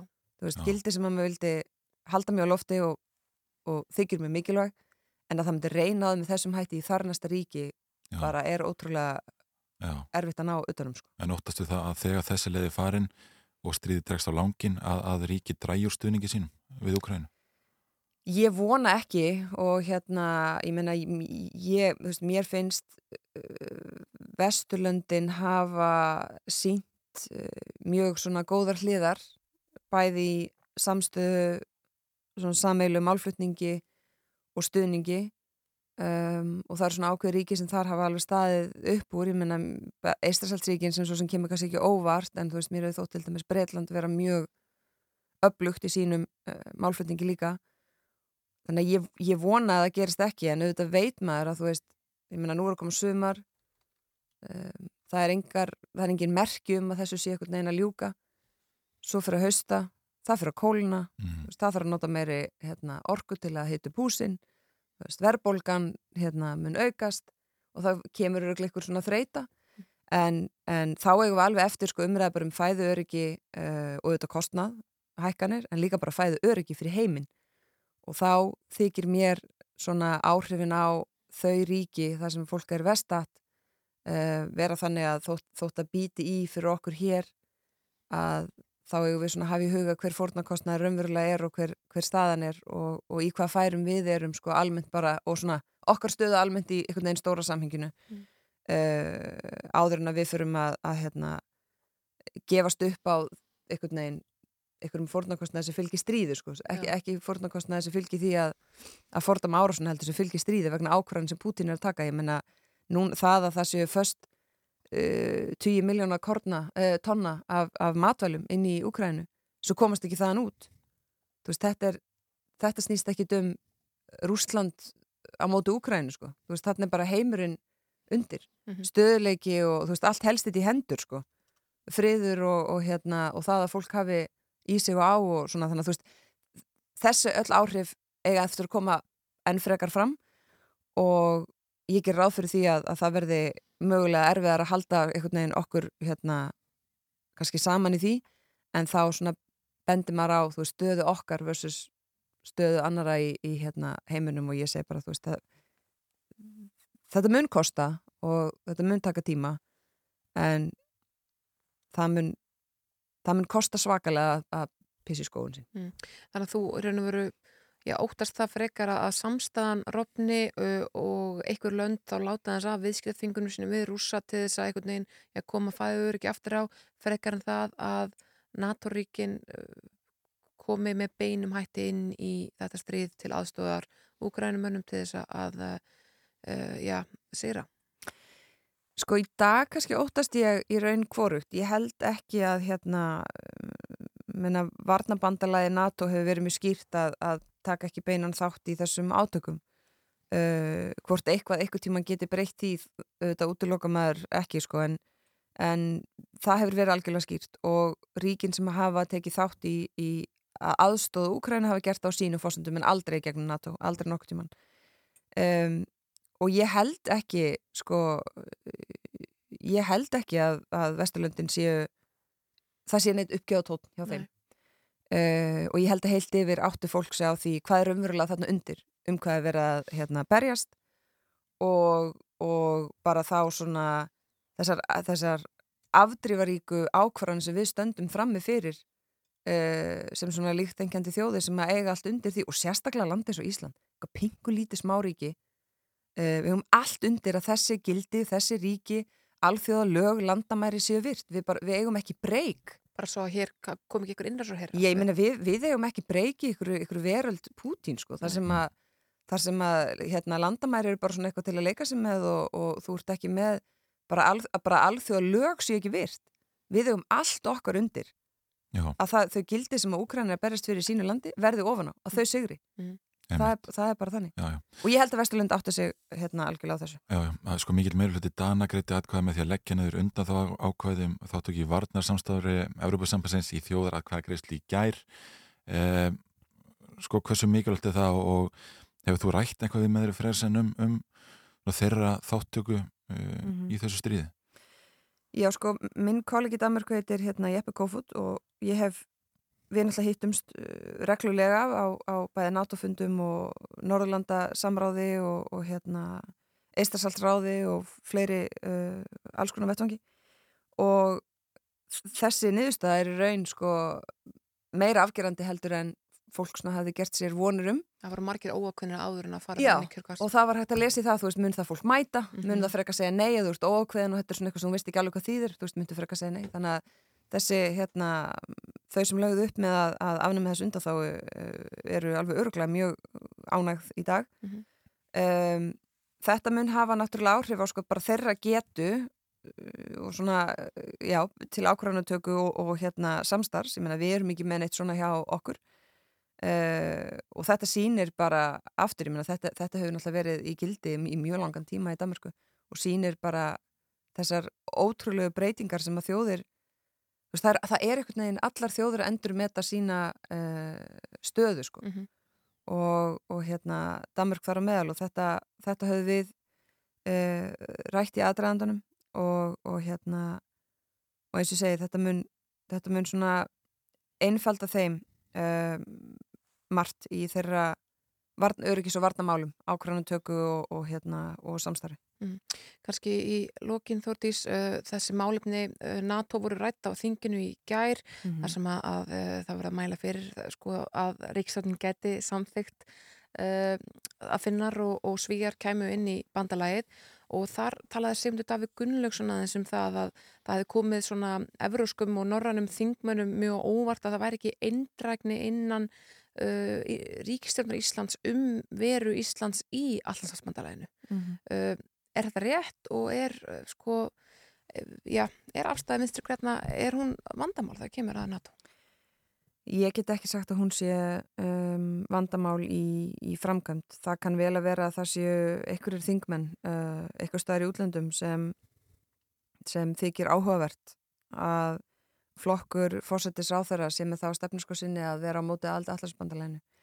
En í framkvæmt uh, er það ekki vandamál. Um, Fórsetis á þeirra sagði það þegar að ríkistjórn mynduð fyrir mörgum árum síðan uh, þar að segja hinn sí, síðasta ríkistjórn að unnið erði eftir, erði eftir þjóðuríkistefnu þar sem kærni hennar er aðeld okkar að NATO og, og hérna, e e ekki með nokkrum hætt á dagskrá að, að hérna, draga okkur út úr því um, þannig að ég og mér hefur þótt sko Katrín gera það mjög vel veist, hún hefur um, svona gert það af, af sko heilindum gagvar því að því embætti sem hún sinnir mm. veist, að vera fórsættisáþara formar þjóðuröykisráðs uh, vinn eftir hérna, þjóðuröykistefnu og, og þannig að það eru engin, hérna, vanda, það er engin vandamál og, en ég, veist, ég ég skil alveg pólitíkina að vera að hérna, einhvern veginn að hræra í þeim pottum þú veist við þessi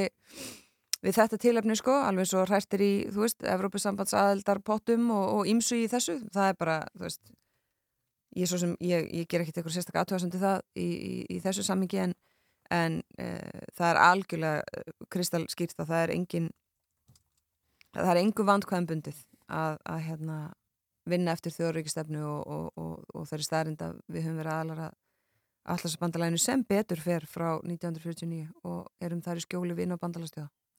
Þórtís Kolbrún Reykjörg, Gilvardóttir, Uðurækis Ráðuram, takk fyrir að koma til okkar í morgundarpið. Takk.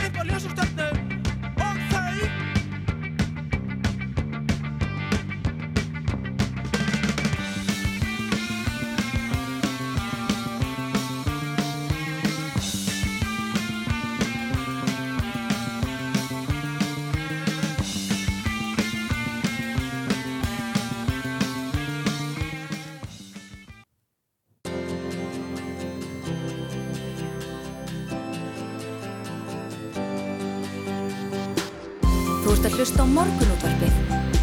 Á Rástvö. Frettir næst klukkan nýju saði Andri Irkill og meðan veru við hér eh, til klukkan nýju með ykkur eh, eins og alla virka módna.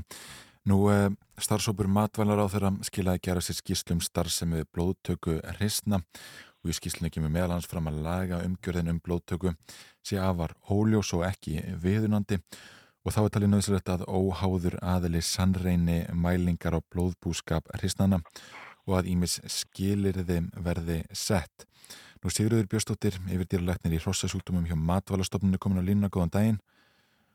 Já, góðan dag. Er þú sast í þessum starfsópi, eh, hver eru nákvæmlega niðurstöðunar? Það, það er, lagaumgjörun er, er óljós og það er margt sem þarf að bæta og, og breyta. Já, það er ekki síst uh, lagaumgjörðin og það, við meðtum það svo að það sé mjög mikilvægt í svona starfsemi að það liggi hérna skýrt fyrir hvað lögjafinn hugsa sér uh, í sambandi við, já þá hvort að þetta sé yfir höfuð leifilegt og það á, nákvæmlega hvaða forsendum. Og í þeirri lögjaf kæmi þá fram svona nánar ábyrðar, hver, hver ber ábyrð á hverjum þætti blóðtökunar engum mm -hmm. Því það er, þetta er nú, sko annars vegar er þetta ákveði búfjáhald með uh, blóttökurhissur og það er engin vafi að það er það umráðamaður hissnana sem ber á þeim uh, ábyrð á, á skrundvelli. En sjálf blóðtakan, uh, hún, uh, við hefum litið svo á matalastofnun að það sé fyrirtækið sem að sapnar afurðinni sem að ber ábyrð á henni.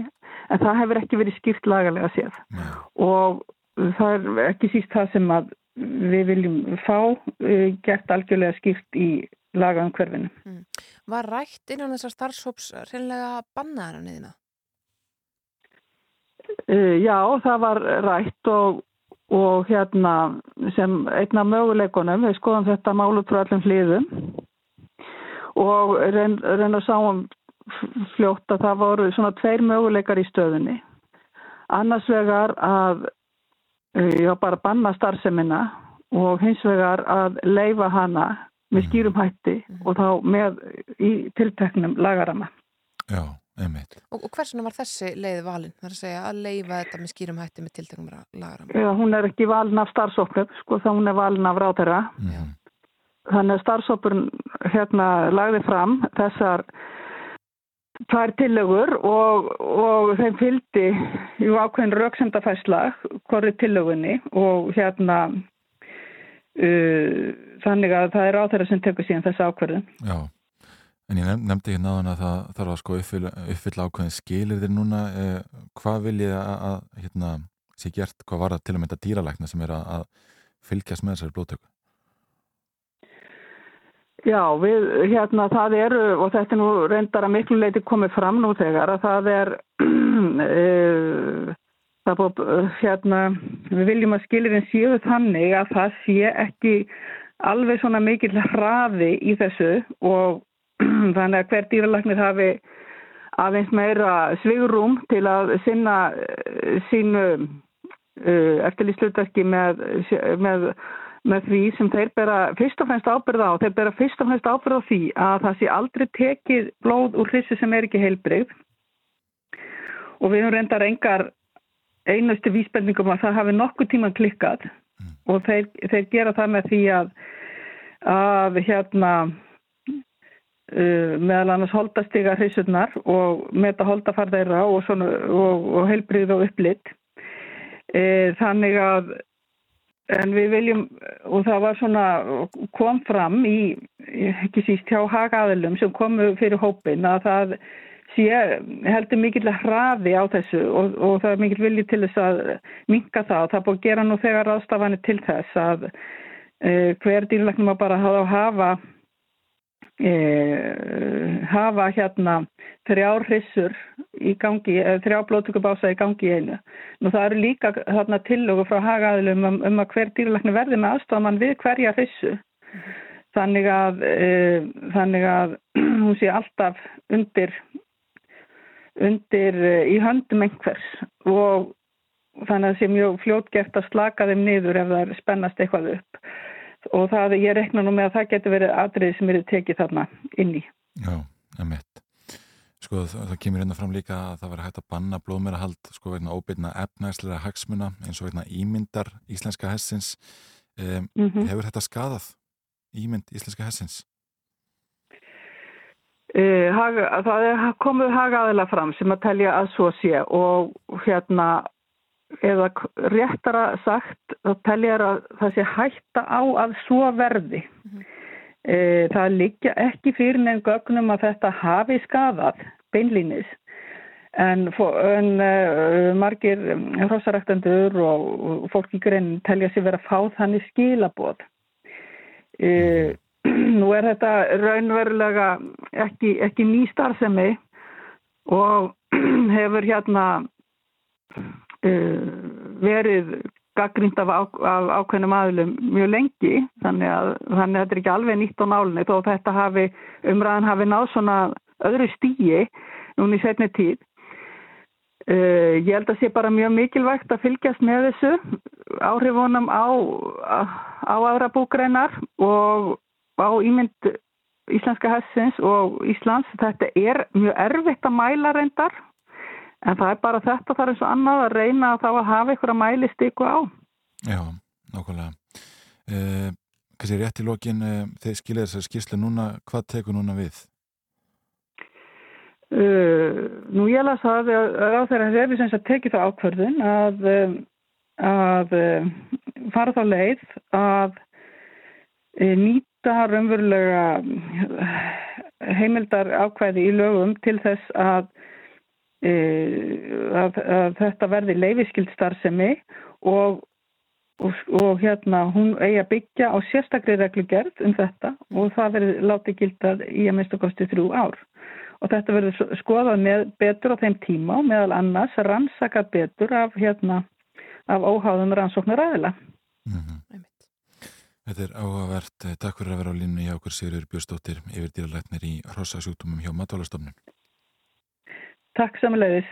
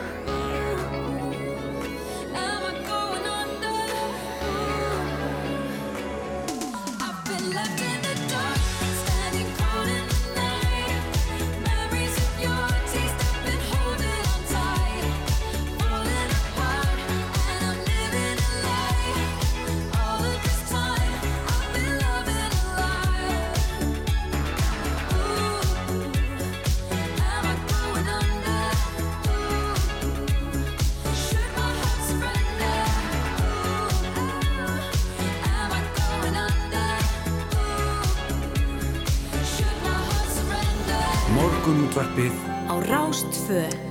Purple Disco Machine og In the Dark en uh, við ætlum að stiga hérna inn í ljósið og ræða tjáningafrelsi presta. Það hefur verið mikið til umræðu síðan síðar að Davíð Þór Jónsson gestist fram á reytvöldinni í síðustu viku og gaggrindi ríkistjórnarflokkana. Þingonar sjálfstæðarsflokksins Diljamist Einarstóttir byrti svo grein í gæði þess efnis að Davíð þetta skiptum vinnu því að orðalæði hefði meðal annars ekki verið presti sæmandi og uh, já, um það leiti á sama tíma byrtist á VF kirkjublaðsins grein eftir dr. Hjalta Hugarsson, professor emeritus í Guðfræði, þar sem hann fjallaði vítt og breytt um tjáningafrelsið. Hann er komin ykkar til okkar, hann Hjalti, verður velkomin. Takk. Sko, þú kemst að því þessari greina uh, tjáningafrelsi presta, ég sé að minnst að kosti ekki ríkara heldur en annars fólks í, í þessu landi. Þetta er pínlítið flóki, ekki satt? Jú, ég vil gera greinar mun á því hvort að prestur er að tjá sér í opinberi umræðu Mhm. eða opinni umræðu skulum við segja, almennri umræðu á netmiðlum eða fjölmiðlum eða á vettvangi dagsins Mhm. e, og e, hins vegar hvort hann er að tjá sér að predikunastólnum og e, ég álít að, að þegar prestar taka til máls í, í þjóðmála umræðu þá verðum við að horfast í augu við það að, að þeir eru hluti af þessu samfélagi og, og hljóta að búa við sama regluverk ef við getum orðað það svo Mhm. og aðrir en þegar þeir eru að predika í stólnum þá eru þeir sérstaklega hlutverki. Og um, uh, og þar tel ég að þeir njóti miklu viðtækara tjáningafrelsis þar ef að þeir gæta sín á því að vera innan þeirra marka sem þeim eru sett. Og það eru eiginlega tvennslags mörg annars vegar er það eh, mörg evangelísk lúteskrar kenningar. Þeir eru jú settir til þess að, að flytja hana og heimfæra hana upp á ýmsar aðstæður og verða njóta mjög mikils frelsis til þess. Og, uh, og, og, og, þess, í stjórnarskrá segir að kirkjan eigi að vera evangelísk lútersk og, og þeir verða þá að halda sig innan þess ramma. Nú uh, svo eru önnur mörg sem að stjórnarskráin setur líka að það má ekki kenna eða fremja neitt í nafni trúar sem að raskar almanna reglu eða brýtur gegn almennu siðferði og, uh, og prestar verða náttúrulega að halda sig innan þess ramma líka Mhm. og, uh, og það er ekkit smekksatriði sko hvort að maður raskar almenna reglu eða brýtur gegn almennu siðgæði þetta er, þetta er einfallega brot á hegningalögum sem við verið að ræða eða kvartningu til þess að framkvæma brot, slík brot Mhm.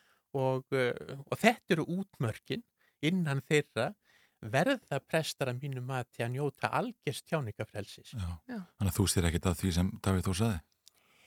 Sko nú langar mér ekki til að tjá mig sérstaklega um þennan pistil vegna þess að e, þá væri ég kannski að, e, já, annarkot reyna að tólka orð hans Já. sem að ég er nú eiginlega ekki, e, hef ekki rétt til, eða þá að e, ég er að tjá persónlega skoðun og í þessari umræðu langar mig eiginlega ekki til þess að tjá mína persónlega skoðun. Nei. Eh, heldur að, að nálgast þetta út frá þessum almennu leikreglum sem hljóta að gilda. Mhm. En Þetta er hansi viðtak, viðtaka tjáningarhefildir sem þú nefnir þarna varandi predikunarstólin. Það er vegar að fólk brjóti ekki hérna almenn henningalög og sé þá ekki að færa mannfórnir í predikunarstólunum eða eitthvað og hins vegar að, hérna að, eh, já, svona tala í nafni trúarinnar. Öðru leiti má segja hvað sem er. Já, það, þegar við horfum til laga og reglugerða, Já. en e, það eru ákveðna stjettir, stjettin ykkar, fjölmiðla fólk, Nákvæmlega. gamla stjettin mín, e, akademiski starfsmenn og í þessum hópi vil ég telja presta eh, sem geta eiginlega ekki rækt skildur sínar nema sem sagt njóta til þess viðtagsfrelsis og ákveðins öryggis, Mhm. getum við kannski sagt. Og það er eiginlega ekki við að búandi í þessum stjettum að það séu einhverjir ytri aðilar sem eru að setja manni mörg. Þannig að ég vil sem sagt gera tvend, annars við að benda á þessa víðuramma sem að, já, bara fyrst og fremst stjórnaskráin þá takmarkar Mhm. og uh, höfðu það síðan til fagmennsku prestana því að í þessum stjettum sem verða að njóta þessa viðtæka frelsis þá verða líka að vera mjög eitthvað að segja rík krafa um fagmennsku þannig að fólk sé á hverjum tíma dómbært á það ekki endilega hvað það má og, og hvað má ekki heldur hvað er rétt, hvað er klókt Já. að segja í þessum eða hinum aðstæðunum. Já, einmitt. En er sko, meina, er ekki æskilegt á tíma sem þessum að prestar, vil bara tala svona, segja hreint út hvað þeim finnst um það þegar það, það verið að senda 300 manns úr landi og, og þeir bara taki svona til orða og, og hérna, og beiti sér á krafti í samfélagsleiri umræði. Ég tel að þessi skildaprest að breyta sér í umræðu um mál eins og brottvísunamálið og, og það er raunverulega ákvæð um það í síðarreglum presta að þeim beinlinni speri að standa með þeim sem eru minnum áttar og, og það eru svo sannarlega þetta flóta fólk í, í þessu máli. Þannig að það er rík skilda á prestum að, að taka til máls í þessum aðstæðum og, uh, og þá held ég að menn semst verði að, að fá að gera það á þann hátt sem þeim er eiginlegur og þeir telja eðlilegan á þeim miðli sem þeir eru að tjá sig. Einmitt. Þetta er svolítið forrætnilegt og þessi tólkun þína því að hún í raun og veru setjur kannski presta að einhver leiti svona millið steins og slækju þar að þeir verða samkvæmt þessum siðareglum sem að, að þú nefndir að, að tjá sig um það málumni þeirra sem minna mega sín en þeir verða samt að geta einhvers hófs í svona orðavali og, og hvernig þeir tjá sig að mista einhvers úr preytikunarstólum. Þetta er flókið. Já, og þar, og þar kemur til, eigum að segja, þessi fagmennska. Og, e, og að því þú nefndir þarna predikunastólinn, þá vil ég geta þess að, að predikun er jú almennt flutt í kirkju og við e, svona helgi aðtöf og þá fellur hún inn í svona ákveðin arkitektónískan ramma, ekki satt, og, og ákveðin ritual og, og eitthvað þess þar. Og þau með einhverjum hætti móta alltaf tjáninguna Mm -hmm. Og uh, nú tilheyri ég uh, söfnuði Davís Þórs og, uh, og hann tjáir sér ekki með þessum hætti í prétikuninni það er svo langt í frá, hann, hann er beittur og, og, hann, og hann nær mjög vel fram með sinn boðskap en með allt, allt öðru móti heldur en á fjöspókarfæslunni og þess vegna verða menn að, að horfast í augu við það að, að staða prestana hefur breyst þeir voru áður ég var svo ég svona síðgæðisverðir og, og, og fyrirmyndir. Þeir eru það ekki með sama hætti í dag. Nei. Nei, einmitt, einmitt. Uh, sko mm, náttúrulega Agnes Biskup brást við þessum ef við tölum bara um þessa færslu og tölumst hérna almennt um, um máli uh, hún svona einhvern veginn uh, veitti Davíð formlegt tiltal saði svona að minni mig að sló hans á fingur hans var já, já, að maður ekki og, meða með orðum saði í yfirlýsingu þjóðkirkjunar einmitt, og hann tólkaði þess að svo að, að ja, hún verið að segja að hann hefði brotið séður já, sko er, er verið að brjóta séðurreglur með, með því að segja setningar eins og þessar? Getur við sagt það? Sko ég fóð nú í gegnum síðarreglurnar svona bara sem leikmaður á þessu sviðinu og ég er ekki sérfæðingur í síðarreglum eða tólkun þeirra en, en auðvitað er það svo með síðarreglur þær opna alltaf á mat. Og þetta mat má ekki byggjast á eigum við að segja persónulegum smekk eða persónulegum hugmyndum eins einstaklings. Þá vil ég segja hvaða embætti svo sem hann eða hún gegnir mm -hmm.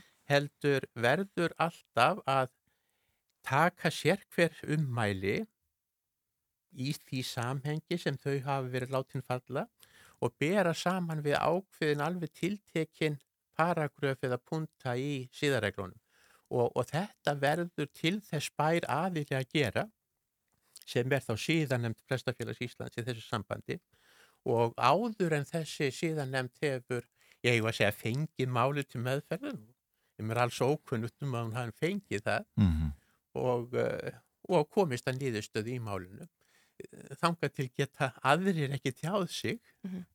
En uh, að því við nefndum aðeins hérna áðan áðurna að viðtala hófst þá vorum við að tala um stöðu kirkunar. Sko finnst þér það að, hér hafi komist á einhvers konar aðskilnaður ríkis og kirkju þó að fólk sé svona pínandi ómeðvitað um einhvern veginn stöðu kirkjuna gagvart ríkisvaldinu núna uh, finnst þér það breyta stöðu presta á einhvern hátt auka frelseðra? Nú er ég alltaf nákvæm með hugtök þannig að ég ætla að staldra við aðskilnaður ég líti ekki svo á að það hafi vorið aðskilnaður ríkis og kirkju eða, eða hann sé raunverulega komin endilega á dagskrá núna það sem hefur gerst er mikil aðgreining ríkisins og kirkjunar þannig að kirkjan er mjög aðgreind frá ríkisvaldinu og, og hún er ekki lengur opimber stopnun Einmitt. í raun og veru heldur er hún eh, samkvæmt fyrstu grein laga um þjóðkirkjuna þá er hún evangelist lúters trúfélag Mhm.